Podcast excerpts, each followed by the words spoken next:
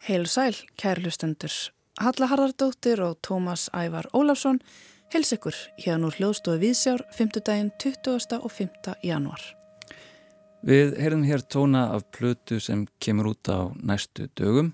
Þetta er fyrsta plata dúósins No More No Less en það er skipað harmoníkuleikaranum Jónasi Áskeri Áskissinni og selvoleikaranum Andrew Power. Þeir halda einmitt tónleika annað kvöld í Hörpu sem er hlutið af dasgrá Myrkra músikdaga sem hófist í gær. Já, og Jónas Ásker flytur einnig tvo konserta með Sinfoníuljómsveit Íslands í kvöld. Einn eftir Finn Karlsson og hinn eftir Þurriði Jónsdóttur. Jónas Ásker er sjálfstætt starfandi harmonikuleikari með búsetu í Kaupmannahöfn. Hann frumflytur reglulega ný verk og innblinni sérstaklega á flutning íslenskrar samtíma tónlistar. Við ræðum við Jónas Áskir í þætti dagsins. Nýbyrjun januar var tilkynnt um opnun forvitnilegar bókabúðar í Flórida fylki bandaríkjana. Veslunin Links Books stefnir á að opna þann 1. apríl næstkomandi en búðin sérhafið sér í sölu á bönnuðum bókum og er leið rítvöndarins Loren Groff og eiginmanns hennar, Clay Kalman, til að spórna við bylgju bókabanna sem gengur nú yfir í nokkrum ríkjum bandaríkjana. Meira um það hér á eftir. Eva Haldóra Guðmundsdóttir verður einnig með okkur í þættunum en hún mun rýna í leikverki Lúnu eftir Tyrfing Tyrfingsson sem fremsýnt var í borgarleikusunu umliðina helgi. Í kvöld verður haldið ljóðakvöld á Gauknum við Tryggvagötu til minningar um skáldið Ísak Harðarsson. Þar munu skáldin Gerdir Eliasson, Sigurbjörg Þrastadóttir, Andris Nær Magnason, Þórður Sævar Jónsson og Kristín Svafa Tómasdóttir stiga á stokk og lesa nokkur velvalin ljóð og að því lóknir getur hver sem er lesið sín uppáhaldsljóð í minningu skaldsins. Þau Þórður Sævar Jónsson og Kristín Svafa Tómasdóttir, félagar úr Ísaksvinnafélaginu, eru skipulegjendur kvöldsins og verða einni gestir Jóhannesar Ólafssonar í bókmyndaþættunum Bara bækur næstkomandi lögadag. Við skulum heyra stutt brot úr því samtali. Í fljótu bræði þá eru svo sem ekkert sérlega mörg skáld sem kom upp í hugan sem, megin, sem, sem eru einhver, einhverju svona poetískir sálufélagar Ísak sko og því að mér fannst hann hafa bara ótrúlega sterka og afgerandi og einkennandi rött mm. og mér finnst líka gaman að segja komið inn og áðan að, að, að það er þetta, þetta elementi ljóðumanns að, að hérna að koma óvart og, og hérna, þú veist, uh, ég segi ekki leggja fyrir gildrur eða svona, já, koma mann eitthvað alltaf í opna sköldu þá var mér líka að hugsa til þess og það er kannski eitthvað sem ég, veit, ég held að hafi aldrei farin eitt sellega hátt svona í umræðum um ljóðagerð Ísaks að hann sko hann gæti verið sko bara, já ég fer ekki ofan að því bara sjúglega fyndin trillingslega fyndin og eins og í ræflatestamentinu sem er einhver meginn svona efnislega daldi svona kaldranaleg og, og nöturleg, það er einhver meginn bara, það er bara einhver yfirvofandi bara heimsendir og það er einhver meginn allt undir. Og þar eru svona nokkur nokkra vörður um, um, eins og ljóðin þeir segja atomstríð í vændum sem eru svo ótrúlega ótrúlega fyndin og skemmtileg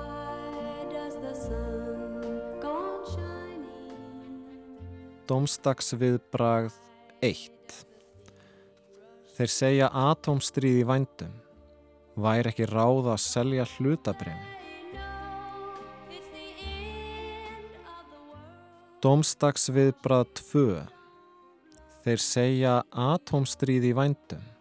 Væri ekki ráð að kaupa heyrnalífar. Dómstagsviðbrað 3 Þeir segja atomstríð í vændum. Væri ekki ráð að fara í fríið?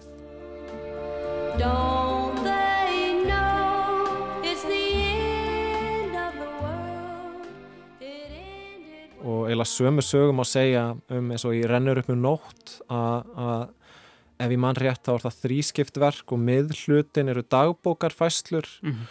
og og, og hann var náttúrulega eins og segi var, við erum nú aðalega að tala um ljóðina sem hann var líka bara þrælumagnaði prósahöfundur og það er náttúrulega í rauninni það er náttúrulega bara hreinræktaður prósi og myndina sem hann dregur upp af þessum brjóstum kennalega skáldi veist, eru, eru hérna, veist, svona, já, bara eins tragikomiskar og það eru verða. Þannig að, þannig að ég, hana, ég þreytist ekki á að hampa, að hampa og, og hampa þessu, þessi þætti í ljóðagerða. Þannig að hann var mm. bara, þegar sá gállin var á honum, þá gátt hann verið bara manna finnastur og skemmtilegastur og ekki sísta því að þá einmitt að þetta er ofta á tíðum svona kaldranalegur húmor, hann slær mann aldrei utan undir hann, uh, hann er alveg magnaður þessi millikabli í rennur upp um nótt sko.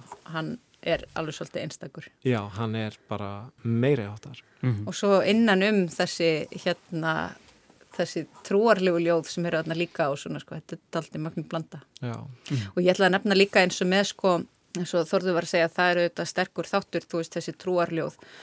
Og persónulega til dæmis tengi ég bara, þú veist minn en ekkert við actual trúar þáttin en hins vegar þá hef ég einhvern veginn átt að mig betur á því eftir því sem líður á að hérna að, þú veist þetta er náttúrulega tilvistar. Mm -hmm. þetta er náttúrulega Já. tilvistarleg ljóð og hérna og maður þarf ekkert að leita í sömu lausnir og ísáka kannski að gera þarna e, til þess að tengja við einhvern veginn þetta er svona tilvistar ángist og, og einmitt leita einhverju, einhverju fótfestu sko og mörg um, mjög falleg uh, og, og svona og svona sárljóð í þeim flokki þar og meðal í rannur upp um nótt nokkur sem að mér finnst alveg, alveg rosalega sko. Mm.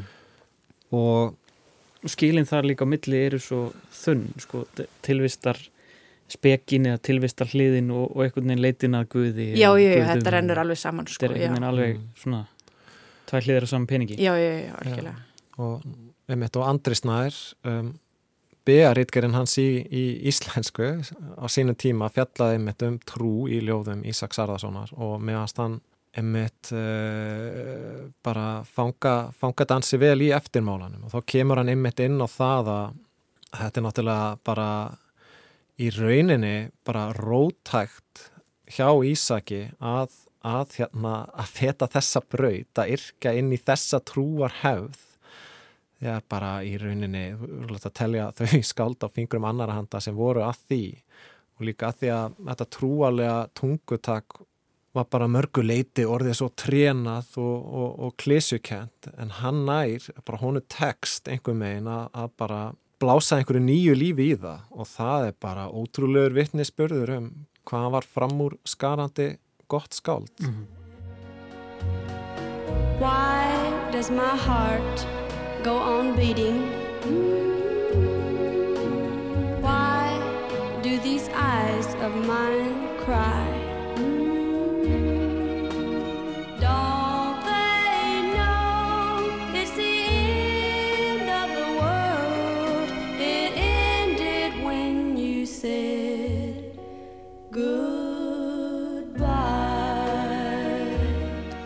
Þórður Sævar Jónsson og Kristín Svafa Tómasdóttir, félagar úr Ísaksvinnafélaginu, rætti hér skáldskap Ísaks Harðarssonar við Jóhannes Ólafsson. Þetta var brotur þættunum bara bækur sem fyrir loftið á lögadag.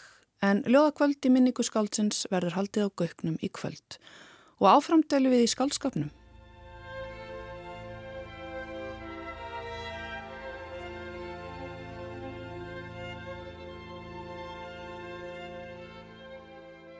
5894 er vegleg tala. 5894 er stór tala. 5894 er ógnvænleg tala. Á árunum 2021 til 2023 hafa penn samtökinn, alþjóðleg samtök rítöfenda, þýðenda og rítstjóra, skráð 5894 bóka bönn í bandaríkinum. Þetta er skrítin tala, eiginlega alveg fáránleg tala. Því oft uh, fréttu við af einu og einu umdeltu bókabanni í skólum bandaríkjana. Miðlar hér heima hafa undanferðin ár og kannski ára tugi fjallaðum bönn á til dæmis Huckleberry Finn eftir Mark Twain eða Handmaid's Tale eftir Margaret Atwood eða Beloved eftir Toni Morrison. Allt eru þetta fremur pólitískar skaldsögur sem snúa að kynþáttastefnu, stjettskiptingu, trúarmálum eða þrælahaldi. Eitthvað sem getur vissulega verið erfitt að tala um í skólastofum en er hugsanlega nöðsynlegt að tala um í skólastofum. En á síðustu tveimur árum hefur einhvers konar æði bókabanna gripið um sig þar í landi. En titlanir þessi tvö ár hafa breyst. Spjótin beinast vissulega ennað skáldsögum sem eiga í pólitískri samræðu við samfélagsitt en nú virðist ráðist einna harðast gegn verkum sem fjalla um hinsegin og kynsegin mál á ekkun hátt og trónir þar á toppnum bókin Gender Queer a Memoir eftir Maja Kobabe en svo bók fangar endurminningar háns á skilgreiningu á eigin kynneigð og um kynleiðréttingarferðli sitt. Þessi bók hefur nú verið bönnuð á 41 stað í bandarækinum þá aðalega á bókasöfnum og í skólum Aðrar samskonar bækur á bannlistanum eru til að mynda All Boys Aren't Blue eftir George M. Johnson, bönnuð á 29 stöðum, Beyond Magneta, Transgender Teens Speak Out eftir Susan Köckling, bönnuð á 11 stöðum og Being Jazz, My Life as a Transgender Teen eftir Jazz Jennings, bönnuð á 6 stöðum. Penn samtökin telja að einn helsti valdur þessarar bylgjubanna vera einhvers konar hermikráku áhrif. Að þegar eitt skóli eða eitt bókasab banna tiltekna bók þá hermi aðrir eftir og vísa í fordæmið sem fyrstiskólin eða bókasabni setti. Þetta minnir óneitilega á hvernig ráðamenn vísa stundum til stjórnafars annara landa eða aðgerða í öðrum löndum sem fordæmið fyrir eigin stjórnafari og aðgerðum eða aðgerða leysi. Þetta er oftar en ekki rökvilla eða mælskubræð sem kemur sér fram hjá greinagóðum rökstuðningi með því að vísa á gjörðir annara. En þetta virkar og þetta samfærir og þar afleðandi hverfur hver bókatitillin á fætur öðrum úr hillum bandarískra bókasafna og skóla. Þetta á vissulega ekki við um öll bandaríkin. Ríkin Flórida og Texas eru ábyrg fyrir flestum bönnum en undarfari ár, 2023, hafa hermið kráku áhrifin smitað þessi bönn til margra annara ríkja. En dögunum var tilkynntum nýja bókabúð í borginni Gainesville í Flórida. Verslun með hér þetta beinþýta slagurð bókabúð sem býtur tilbaka. Verslun þessi mun heita The Links eða Gaupan nefnd eftir kattadýrinu Slótúa og verður hún rekin af bandariska rítöfundinum Loren Groff og eiginmanni hennar Clay Kalman. Það að býta tilbaka vísar til stefnu vestlunarinnar en hún mun leggja megin áherslu sína á að selja bannaðarbækur því þrátt fyrir takmarkað aðgengi að bókum í skólum og bókasöfnum er fólki í Flóridaríki en frjálst að kaupa bækurnar á bannlistunum.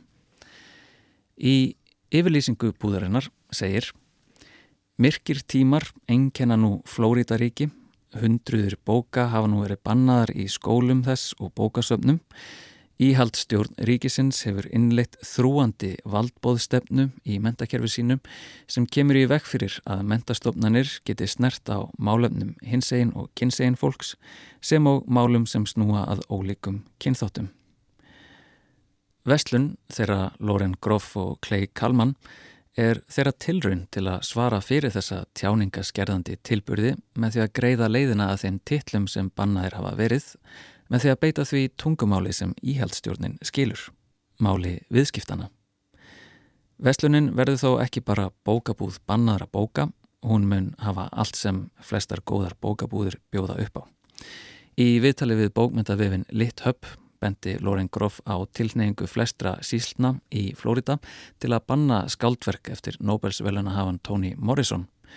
Bókin The Bluest Eye eftir Toni Morrison var fyrst til að verða fyrir bannbylgjunni en það er bókum þrælahald sem lýsir mjög grófu ofbeldi en síðan fóru ríki að banna fleiri bækur eftir hana þar á meðal hennar ástsælustu verk Beloved og Song of Solomon.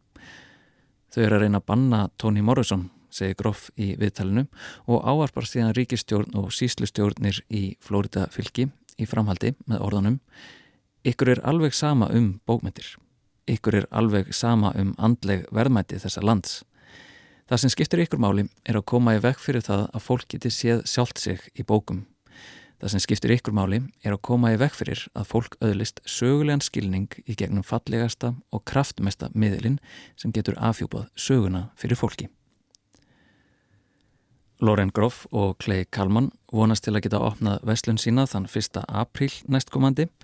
Hún verður í stóru húsnæði og vonast þau einnig eftir að geta skapað rými, ekki bara fyrir bækur, heldur fyrir viðburði og samkomur, uppleistra og bókaklúpa. Þeim langar að skapa lítið samfélag fyrir bóka unendur.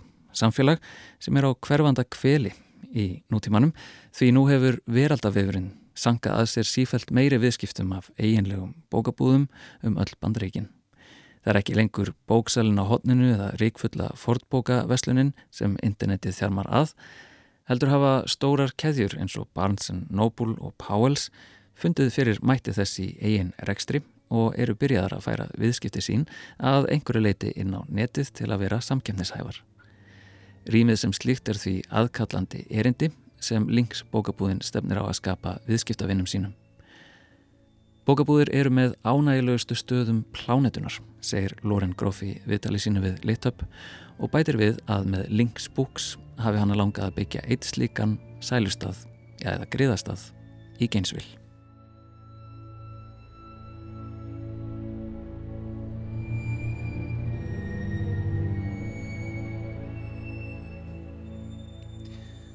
Og frá Flórida höldum við í leikúsið. Um liðna helgi var frumsýnt leikverk í borgarleikúsinu sem hefur skapað mikla umræði í samfélaginu. Lúna eftir Tyrfing Tyrfingsson. Eva Haldóra Guðmundsdóttir tekur nú við.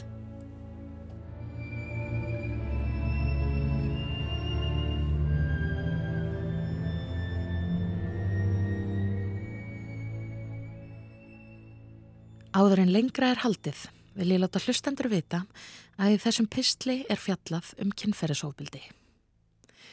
Í leikúsinu getum við upplifað margar stórkostlegar, hræðilegar, rugglandi, sárar, súrar, sætar, yfirgnæfendi og hreinsandi tilfinningar. En má listin allt? Hvað gerum við þegar fólk lýsir því yfir að listaverk valdi raunverulegum skafa? Síðastlegin förstu dag var verkið Lúna frumsyndi í borgarleikusinu. Verkið hefur vakið töluverð viðbröð vegna þess að demdur kynferðisafbrótamaður er meðal persóna í leikritinu. Hann heiðar snirtir. Þólendur heiðars hafa sagst finna til vanliðunar vegna uppsendingarinnar. Lúna er stofudrama sem gerist á aðfangataskvöld á heimili þeirra Inga sem Sigurður Þór Óskarsson leikur og Lúnu sem Ástildur Úa Sigurðardóttir leikur. Þau er að skilja og andrumsloftið á heimilinu er vægast sagt spennuþrungið. Áður en jólamaturinn er borin á borð kemur heiðar snirtir leikin af Hilmi Snæ Guðnasinni í heimsókn. Hann er þangað komin í vonum að yngi fjárfesti í sér vegna tengsla hans við fyrrum fegurðardrottningu og móður ynga. Hún er leikin af Sigrunu Ettu Björnsdóttur. Ingi hleypir heiðari inn og við tekur kvöld glundróða sem grefur upp allt það sem personur hafa unnið markvist í að bæla. Tyrfingur Tyrfingsson höfundurverksins er þekktur fyrir húmorísk og hættuleg skrif. Hann er gættur þeim eiginleika að draga fram margar tilfinningar í einu og augra viðhorfum áhorfanda. Við elskum personur hans og hötum þær á sama tíma. Við þráum að sjá ógeðið vella upp úr þeim og dæma þær en getum ekki annað en speklað okkur í þeim. Í lúnu sannar hann að styrklegi hans liggur í margræðum samræðum sem eru léttar og humorískar en á sama tíma þrúandi. Söguþráður verksins hverfist um samband ynga og lúnu og samskipti parsins eru einstaklega velskrifuð og þjættur taktur í skrifunum. Senurnar brítur tyrfingur svo upp með innræðum sem eru töfrandi og óvægnar. En Tyrfingur náði ekki að koma mér á óvart eins og hann hefur gert áður. Stílbrað hans er einkennandi en það verður að viðurkennast að sumar senurverksins minna óneitanlega á senur úr fyrri verkumans. Tyrfingur tekur áhættu með því að velja að skrifa raunverulega mannesku inn í verkið. Hann skrifar heiðar ágætlega en persóna hans í verkinu hefur ekki tilætluð áhrif því tyrfingur ljáur honum ekki sömu margaræðinni og hinnum persónunum. Heiðar er fígúra í verkinu. Það er ákveðin kaltæðni í því að áföll og afleðingar þeirra fyrir yngu, lúnu og heiðar eru umfyllunarefni í verkinu en áföll þólinda heiðars eru ekki tjáð eða viðurkjönd. Lúna og yngi eru först í ringuðu áfall sem þau urðu fyrir 12 árum áður en að áhorfundur kynast þeim og heiðar er fastur í hlutverki vegna áfall sem hann varð fyrir 5 ára. Í verkinu er skýrt að áföllin hafa letað líf þeirra. Í raun eru þau gefin sem ástæða fyrir þeim sársöka sem personarnar valda og við áhörfundur finnum mjög til með þeim. Höfundi er svo í mun að við finnum til með heiðari að hann lætur ynga segja okkur að heiðar sé að leika hlutverk vegna áfallsins. Sem dregur úr áhrifunum og því sem tyrfingur er svo góður í að gera sem er að leifa okkur áhörfundum að komast að niðurstöðu. Tyrfingur stillir upp tvísvar í verkinu andstæðum viðhorfum gagvart gerendum í samfélaginu án þess að taka beint afstöðu heldur leggur það í hendur áhorfanda sem er að einhverju leiti áhrifamikið.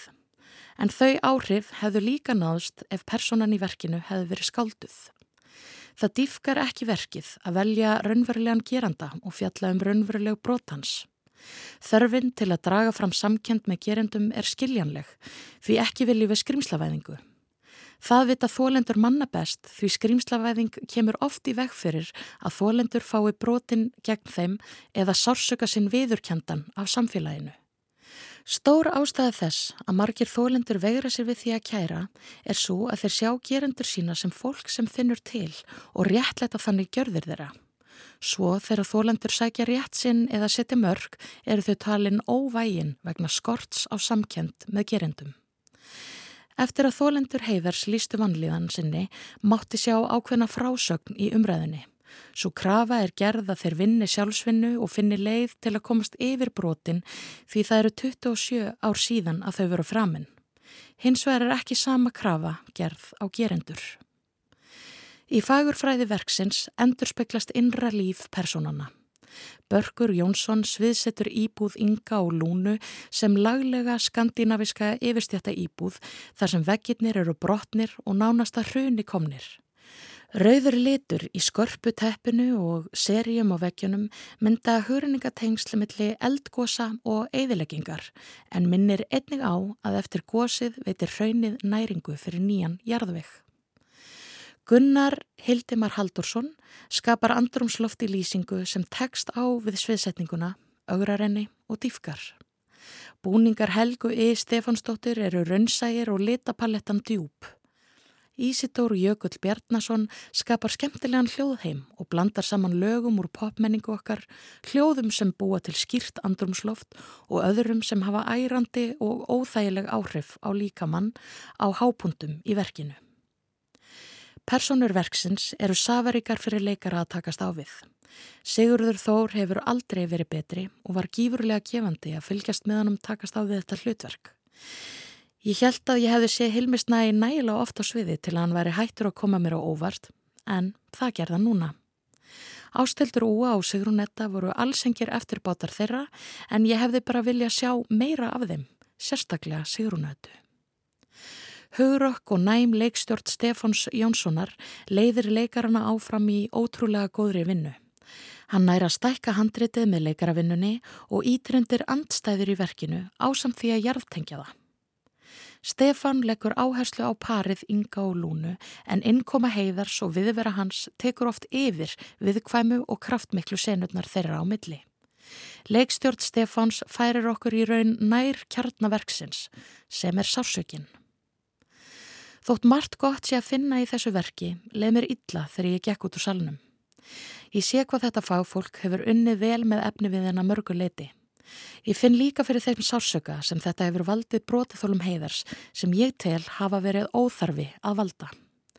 Ég finn fyrir þingslum í öðrum þólendum vegna þess að þeir speikla sig í atbyrðarásinni í umræðinni og svo finn ég fyrir skýrri klopningu í sviðslistasinnunni þar sem takast á áköllum fullkomið frelsi til sköpunar og óskýrum viðurkenningu á sársökaþólanda og bæts verklags þegar unnið er með ofbeldi eða fólk sem hefur beitt ofbeldi í listsköpun. Breiskleiki manneskunar er í forgrunni í lúnu. Við erum öll marglega manneskjör sem erum fagrar og ljótar á sama tíma. Verkið lítur inn í kviku sársökans og leitar í raun að fegurðinni, í glötuninni. Verkið reynir á mörg fólks. Sumir geta með sanni sagt að sviðsetninga á heiðari fari ekki yfir mörg þeirra, en aðrir ekki. Ég spyr mig þó hvort að það hafi verið þess virði. Eins og sannast í síningunni orð gegn orði í þjóðleikusinu þá eiga þólendur nægilega erfitt með að fá brotin sín sem þau urðu fyrir viðurkjent eða ná því fram að borin sé virðing fyrir áhrifum þeirra á lífmanneskunar upp frá því. Það er ákveðin tvískynnungur að við eigum að finna til með personum verksins en ekki með þólendum heiðars. Ég vona helst af öllu að við í sviðslistasinnunni fylgjum skilabóðum lúnu og göngum inn í sársökan komum saman, hlustum á óskýrþólenda, sínum þeim verðingu og byggjum brýr svo sköpun okkar fá að blómstra í samtali við samfélagið. Að við finnum leiðir fram hjá hugsuninni að ég megi ekki fjalla um tiltekki málefni yfir í hvernig ger ég það án þess að valda tjóni. Að áhörfundur fái áfram að upplifa allt litróf tilfinninga og að við fáum að þennja út sjóndeldarhingin í myrkum salnum. En til þess að komast að því hvernig það gerist, þá þurfum við að vinna saman. Svo ég vitni í verkið sjálft, það eina í heiminum sem er raunverulega ljótt er að fyrirlíta svona sársöka annara. Eva Haldur á Guðmundsdóttir saði hér frá sinni upplifun af leikverkinu Lúnu eftir Tyrfing Tyrfingsson sem síndur um þessa myndir í borgarleikusinu. Og úr leikúsinu höldum við á Myrka músikdaga Þessi hátíð sem leggur áherslu á að flytja íslenska og erlenda samtíma tónlist hófst í gær og stendur fram á sunnudag. Við bendum hlustundum á veð hátíðarinnar til að kynna sér fjölbreyta dasgrána en miðal þess sem þar er að finna eru tvennir tónleikar þar sem harmonikkan er í aðallutverki.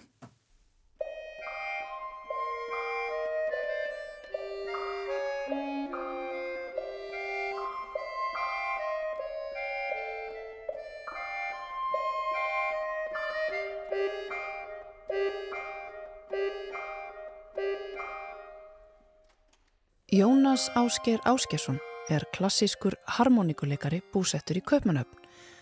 Hann var fyrsti Íslandingurinn til að flytja harmonikukonsert með Sinfoníuljómsitt Íslands árið 2016 á tónleikunum Ungir innleikarar.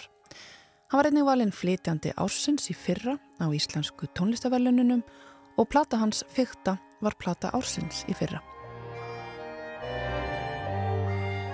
Jónas frumflytur reglulega nýverk og einblinir sérstaklega á flutning íslenskrar samtímatónlistar.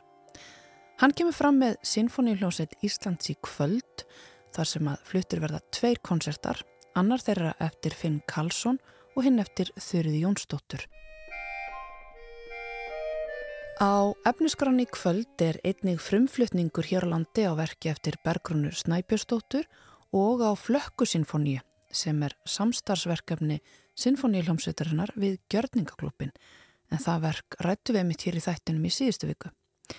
En nú skulum við heyri Jónasi Áskeri sem að stýgur á sviði kvöld með Sinfoníuljómsdunni og þetta eru þetta allt saman hluti af dagskrá Myrkra músikdaga.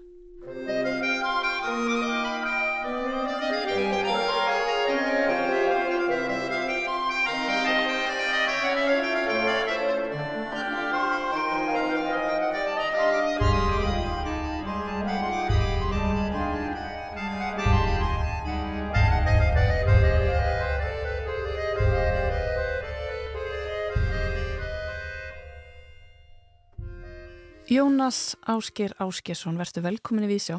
Takk hérlega. Stóri tónleika framöndan í kvöld og á morgun. Emmitt. Alluti af myrkum músikdögum.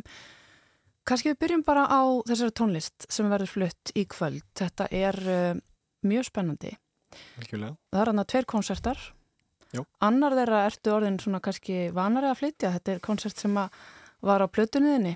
Jú, mikið rétt, það er hérna konsertinans Finns Karlssonar sem hann samti fyrir mig eh, 2020 og, eh, og ég hljóðritaði með Elju, Kammersveit um, og ég er nú búin að æfa hann ansið oft út af því að uh, það var sérst í miðju COVID-ferlin sem við vorum að, að skipulegja þetta hennan flutning og, og uppröndulega átti þetta að vera tónleika farðala og svo upptaka á endanum á því. En svo var náðu við e einum tónleikum þess að frumflutningi í Varmalíð og svo bara öllu slaufað. Mm -hmm. og svo var þetta aldrei svona kollakolli hver, hver jól og sömur sem er svona sá tími sem Elja flytur flesta tónleika. Þá var alltaf COVID uh, faraldur á þeim tíma sko. Mm -hmm. þannig að við náðum loksins að, að taka upp verkið í janúar 2022 en sem sagt tónleikunum var samt aflýst sko. Þannig að við náðum loksins að flytja í Reykjavík uh, bara núna síðustu, síðustu uh, sem sagt jólinn 2022-2023 Einmitt. Já. og svo er þetta hluti af þessum disk sem að þú gafst út fyrta sem að, já, fekk hlaut íslensku tónlistavælunin í fyrra. Einmitt, við rættum við mitt saman af því tilöfni Nákvæmlega. fyrir, já, hvað rúma ári síðan. Uh, hvernig myndur þú svona hvernig myndur þú lýsa þessum konsert? Um, hann er mjög karakteristiskur fyrir Finn. Uh, hann er mjög leikandi mjög uh, það er svona skiptist á bæði mjög lettur og leikandi karakter en líka mjög uh, dramatískir og, og, og, og sem sagt uh, stórir, það sem öll hljómsveitin er alveg bara í botni mm. og harmoníkan ofan á þannig að þetta er mjög, mjög kaplaskipt þannig að maður fara að sjá ymsa liti og karaktera, hann leikur, leikur sér mikið að já, þess að mjög fjölbreytt fjölbreyttir litir og fjölbreyttir hérna, mm -hmm. karaktera sem hann, hann nýtir sér og hann er mm -hmm. náttúrulega algjör mestari í að skrifa fyrir, fyrir hljómsveit og hérna og við munum saman áður á, á hérna, sagt, uh, fyrir önnu verk fyrir harmoniku þannig að maður sér alveg hann er algjör, algjör hérna, mestari í, í að skrifa bara hljóðfæri tónlist verður ég að segja mm -hmm. Emmitt og að færa harmonikuna inn í þetta sammingi sem að er kannski hefur ekki verið svo algengt uh, svo algengt í samtíma tónlist eða hvað? Nei, um, það er náttúrulega hefur verið uh, meira í Danmörku til dæmis það sem nútíma klassiska uh, hefðin í harmoniku heiminum fyrst, kom fyrst fram í mm. kringum já, sjötta áratögnum um, þannig að Danmörku er aldrei svona vakka þessar hliða, hliðar hljóðfærisins. Um, og harmonikon hefur eiginlega alltaf verið aldrei svona einleiks, eða þess að nútíma harmonikon hefur mikið tekið sér pláss sem einleiks hljóðfæri uh, bara einfallega vegna þess að öll þessi klassísku stóru hljómsættiverka náttúrulega ekki, er ekki skrifið með harmoníku í huga. Mm -hmm. þannig að það svona varð uh, meira einleiks um, efniskráin sem að, sem að harmoníkan tók sér fyrir. Og hún á bara svo mikið líka heima með hljómsveit uh, finnst mér um, með alla sína liti og, og, og, og möguleika sem, sem hún hefur upp á bjóða. Hún getur blandast hljóð, uh, hljóðfærum hljómsveitrinnar og svo uh, ólíkan hátt hljómar og einn hátt með blásurunum og annar hátt með strenginum en einhvern veginn næra nær svona uh, að blanda öll, blandast öllu en samt vera að sitta í hljóðfæri finnst mér.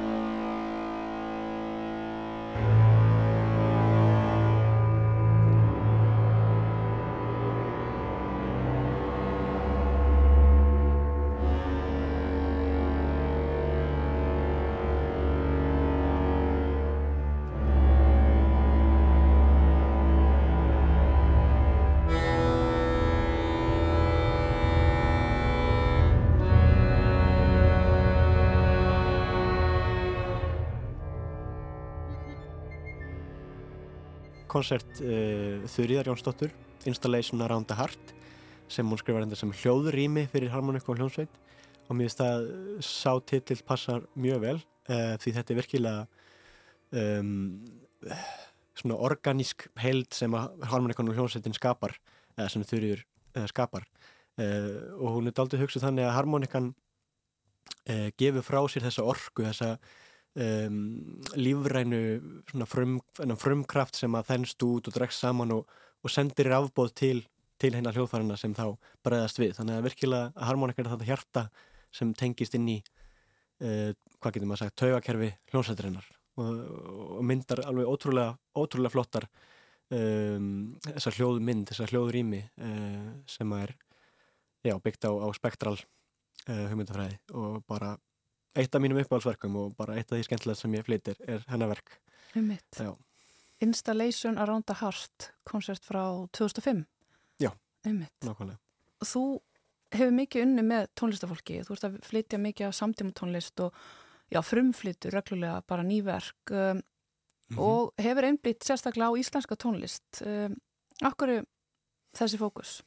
Já, það er um, ekki, ekki kannski auðvöld að útskýra það ég, ég er alveg erð með að setja fingur á það sjálfur en, en það er bara eitthvað við að, að stuðla að uh, íslenski tónlist stuðla að sem sagt líka ímynd hljóðfærinsins á, á Íslandi sem að það er eitthvað sem, sem er spennandi fyrir mig þar sko. Uh, og mér erst alltaf uh, þeir svona tímar í mínum ferli sem ég hef verið mest spendur er, er, og, og mest svona ástriðufullu fyrir er einmitt eins og platan eða, eða einmitt að vinna þessum koncert með Finn og, og, og um, já, vera í samstarfi kannski líka nákvæmlega, já, vinna með sagt, íslensku tónlistafólki og tónskáldum og, og einhvern veginn koma harmoníkunni inn í þennan íslensku blóðrásuna getur maður sagt, mm -hmm. klassíku harmoníkuna mm -hmm. það er svona eitthvað sem hefur verið mjög spennandi fyrir mig og ég er einmitt að vinna að einleiksefnisgrá núna uh, með verkum eftir til dæmis Þurriði og, og Hugo Guðmundsson og hérna útsetningu eftir Önnu Þorvaldsdóttur og svo framvegs þannig að, þannig að ég er svona þykra mig áfram í því að byggja Já. upp þessa efnisgrá bæði mm. einleiks og líka með öðrum hljófarum Já. Og færa hana kannski, draga hana úr vöggunni þar sem þú býrð og færa hana ynga til okkar aðeins Já, einmitt maður náttúrulega kynnist uh, þarna út í, út í Danmarku sá maður svo ýmislegt sem að, maður sá svo marga möguleika og liti og, og, og hérna, marga flotta hérna, hljófarleikari sem að, maður bara einmitt, maður veldi miðla þessu áfram mm -hmm. Það lítur líka að vera gaman að einmitt, vera í sköpuninni sjálfur að vera svona tengdur þessari frumsköpun sem á sér stað og vera í samtali við listamenn sem er að bara semja í dag. Algjörlega. Og það er bara svo gaman að vinna með ólíku fólki líka og sjá ólíka hérna, vinnubröðu og ólíka stíla og sjá hvað hvert tónskáld uh, getur, getur dreyið úr harmonikunni og, og dreyið úr mér sem flytjanda líka. Mm -hmm. um, og svo get ég tekið það þeirra sagt, vinnu á mig og, og, og endur speklaða frá mínum minni tólkun og það er náttúrulega það sem er það sem törarnir uh, þarna, eiga sér stað, það er það sem þeirra mhm. list og mín tólkun skarast á eða, eða finnur farveg Einmitt, mætast. Já. Það er gróska í samtímtónlist hér á landi, er það ekki? Jú, algjörlega. Ég, það sem ég finn fyrir, uh, náttúrulega með Merka Músídaga, með, með, uh, með uh, Elju til dæmis. Elja hefur verið mjög duglega með, með græsrótarstarf að flytja eftir Íslands tónskáld og ung tónskáld og, og svo var ég hluti af hérna UNM, Ung Nordísk Músík sem var hérna 2022 og maður finnir bara fyrir miklum miklu stuðning mm. uh, og það er bara sterkur áhörndahópu líka sem er, er hvetjand að sjá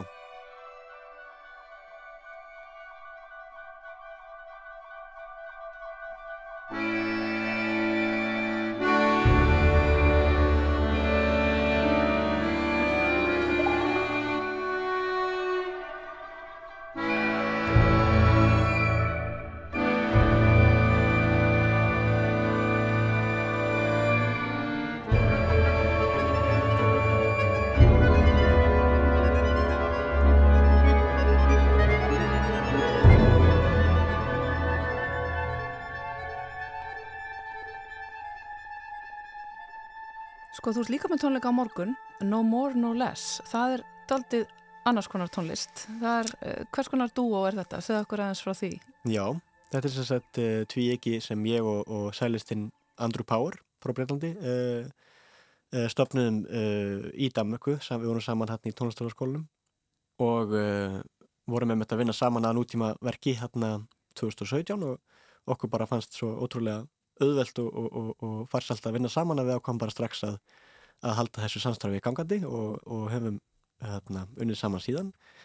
Eh, og svona okkar eh, hugssjón með þessu, þessari plötu og bara almennt okkar vinnubröðum er að, er að sagt, vera um, með eins litlar uh, takmarkanir og við, við getum sett okkur. Þess að hafa alveg opin huga í bæði sagt, tónlistar stíl og, og jafnvel að fara þvert á listgreinir greinar og, og uh, bara virkilega að, að reyna á bæði okkar mörg og, og, og því hljóðfara, mm -hmm. hljóðfara okkar mm -hmm. sem sagt bara uh, bara hérna tilhörastarfsemi pjúrast tilhörastarfsemi, bara græsrótar tilhörastarfsemi og sérstaklega líka með öðru fólki með tónskáldum og, og öðrum, öðru listafólki, Þa, mm -hmm. það mhm. finnst okkur skemmtilegast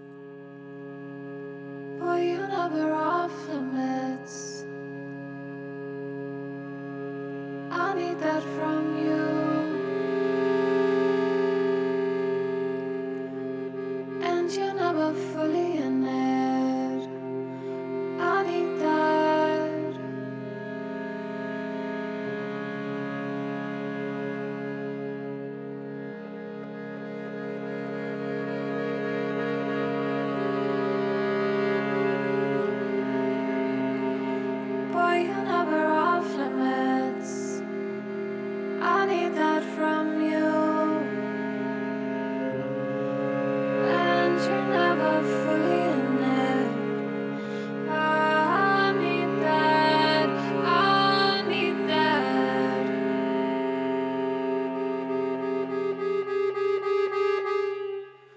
þessi platið aldrei endur speklar þá, þá hugssjón þetta er mjög með vilja gert mjög, mjög fjölbreytt uh, verkaval uh, með sagt, klassísk tónlist eða vísun í klassíska tónlist svona naumhyggjustýl mm -hmm. frá mhm. Danmarku uh, með evrósku framhústefnu tónlist og, og hérna og lokum Íslandsverk sem er sækja meira einblastur í, í ráftónlist mm -hmm. þannig að þetta er mjög viljandi mjög hérna, fjölbreytt mjög fjölbreytt og, og, og, og, og verkinn tala, tala á á það sem okkur finnst mjög áhugaverðan hátt að, að þó þú séu svona ólík þá myndaðu samt þessa held Það er eitthvað samtal Algjörlega, algjörlega. Já. Já. Það er skemmtilega, ég held ég var að lesa lýsinguna hérna á plötunni sem að ég fann bara inn á vef myrkra, það er mm -hmm. no more no less, er frjálst og óhaupundi ferðalega melli mikrotónal hljóðskúltúra harkalegar mið európskarar framúrstöfnu, íslensks pluralisma og ofurfýtnar danskrar naumhyggju. Þannig að þetta er hansi góðu kóttel Já, nákvæmlega, heldur betur Herðu, já, spennandi.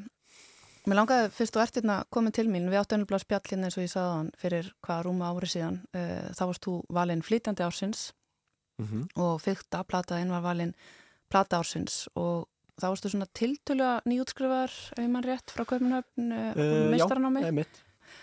Þannig að mér langaði bara að spyrja þig hvernig er að vera tónlistamæður og búið í Kaupanöfn? Um, hvernig líf er þetta? Þetta er mjög skemmtilegt líf, uh, fjölbreytt og, og við erum náttúrulega, ég og, og, og hérna, kærastan mín við erum bæði uh, frílands tónlistamenn og fáumst bara við ímisverkefni, mjög fjölbreytt, hvort það eru tónlist fyrir börn eða, eða, eða einmitt nútímar tónlist með öðrum tónlistamönnum og eða náttúrulega við erum bæði í tónlistarhópum og erum í tónlistarhóp saman. Um, og það er náttúrulega frábært að við getum líka önni saman í svona mörgum verkefnum. En það sem kannski enginni svona bara almennt frílands tónlistarlífið finnst mér er, er og mikið vægt fyrir, fyrir manna að þarna, taka inn á sig er, er að hversu um, já hvað sem er ó, uh, óstaðlaða er og mm. það getur verið mikið, allt og mikið að gera og sömur stundum og stundum allt og lítið að gera og maður, maður ekkert neginn verður bara að taka því eins og kemur sko og, og líka að svona summa þess út og sjá heldamyndan í staðan fyrir að vera að hugsa bara að ah, ég hef ekkert að gera í þessari viku eða, mm -hmm. eða svo mhm. framvegs þannig að bara mikið vett að hafa, hafa líka langtíma svona hugsun langtíma markmið og, og, og, og uh, eitthvað til að laka til mm -hmm. Og hvað slakar það til núna? Já, hefði, góð spurning um, Já, eftir myrka þá ég mun uh, fara til uh, Björgvinar og spila sem sagt koncertþurjar uh, með bandi sem heitir Bit 20 á sem Bjarnafrímanni stjórnanda. Og þar munir líka spila nokkur solo einlegsverk sem, sagt, eftir, sem eru hluta af þessari einlegsefnisgrá eftir Alla Ingolson og, og, hérna, og fleiri. Þannig að það er svona næst á svona næst á döfunni hjá mér um, og svo eru við að fara til Fenea ég og kærasta mín í sem sagt á Fenea tvíaringin að flytja verk þar. Þannig að það er svona margt í bígerð. Mm -hmm. Ólík verkefni framöndan heldur betur, þannig vil ég hafa það líka. En uh, þá bara östut á lókum, Jónas Áskir Áskirsson, hvernig undirbyrðið þið fyrir svona kvöld eins og þú ert að fara að takast á við í kvöld? Já, það er mjög, ég hef ekki með svona eina eina uh, sem sagt aðferð eða, eða, eða það er svona meira, maður þarf eitthvað eina leifa þeim tilfinningum að koma á því stressi sem kemur bara að flæði gegnum sig og taka því eins og er, ekki reyna að loka á það. Bara taka það inn á sig og, og, og, og viðkenna það uh, skilja hva, hvað það er og svo hleypa því út einhvern veginn, það, það er svona hefur verið mín uh, aðferðafræði. Það er bara að taka því sem kemur og leifa þeim tilfinningum að koma sem koma og svo líka bara minna sjálf og sjá það er alltaf verst rétt áður maður fer úr svið svo er allt í lagi þegar maður er byrjað að spila sko. það er alltaf hannig Þetta ljómar eins og eitthvað mjög skinsamt plan. Takk fyrir og gangiði vel í kvöld Jónas Ásker Áskersson og já, takk fyrir að vera með okkur í vísjá. Takk hjá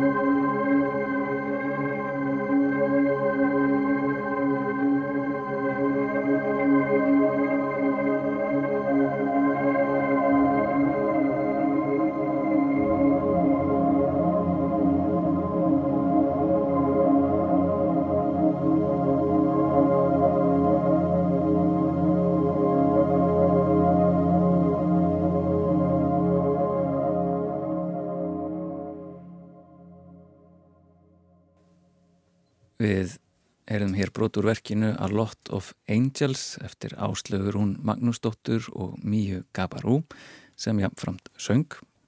Þetta er af plötu duósins No More No Less sem er skipað selvoleikaranum Andrew Power og harmonikuleikaranum Jónasi Áskeri Áskeisinni sem rætti við höllu hér á undan.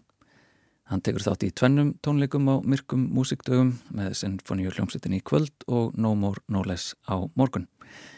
Þá eru við komin að lókum þáttanins í dag og þessa vikuna. Við minnum á úrvalur þáttum vikunar á sunnudag og svo er auðvitað hægt að hlusta á viðsjá hvena sem er í spilara rúf. Við skulum enda þáttin á verki eftir bandariska tónskáldið og harmonikuleikaran Paulín Oliveros sem var einn þeirra sem að rutti brautina í ráftónlist en hún kemur aðeins við sögu á myrkum músikdögum. Anna Kvöldmun skerpla flytja tónleika innsetningu í opnum rýmum hörpu sem er innblásuna verkum hennar og sunnudag verður hægt að sjá heimildamindum tónskaldið í Norrannahúsinu. Þetta er verkið The Beauty of Sorrow eftir Pauline Oliveros í flytningi hennar sjálfrar. Takk fyrir að hlusta og verið sæl.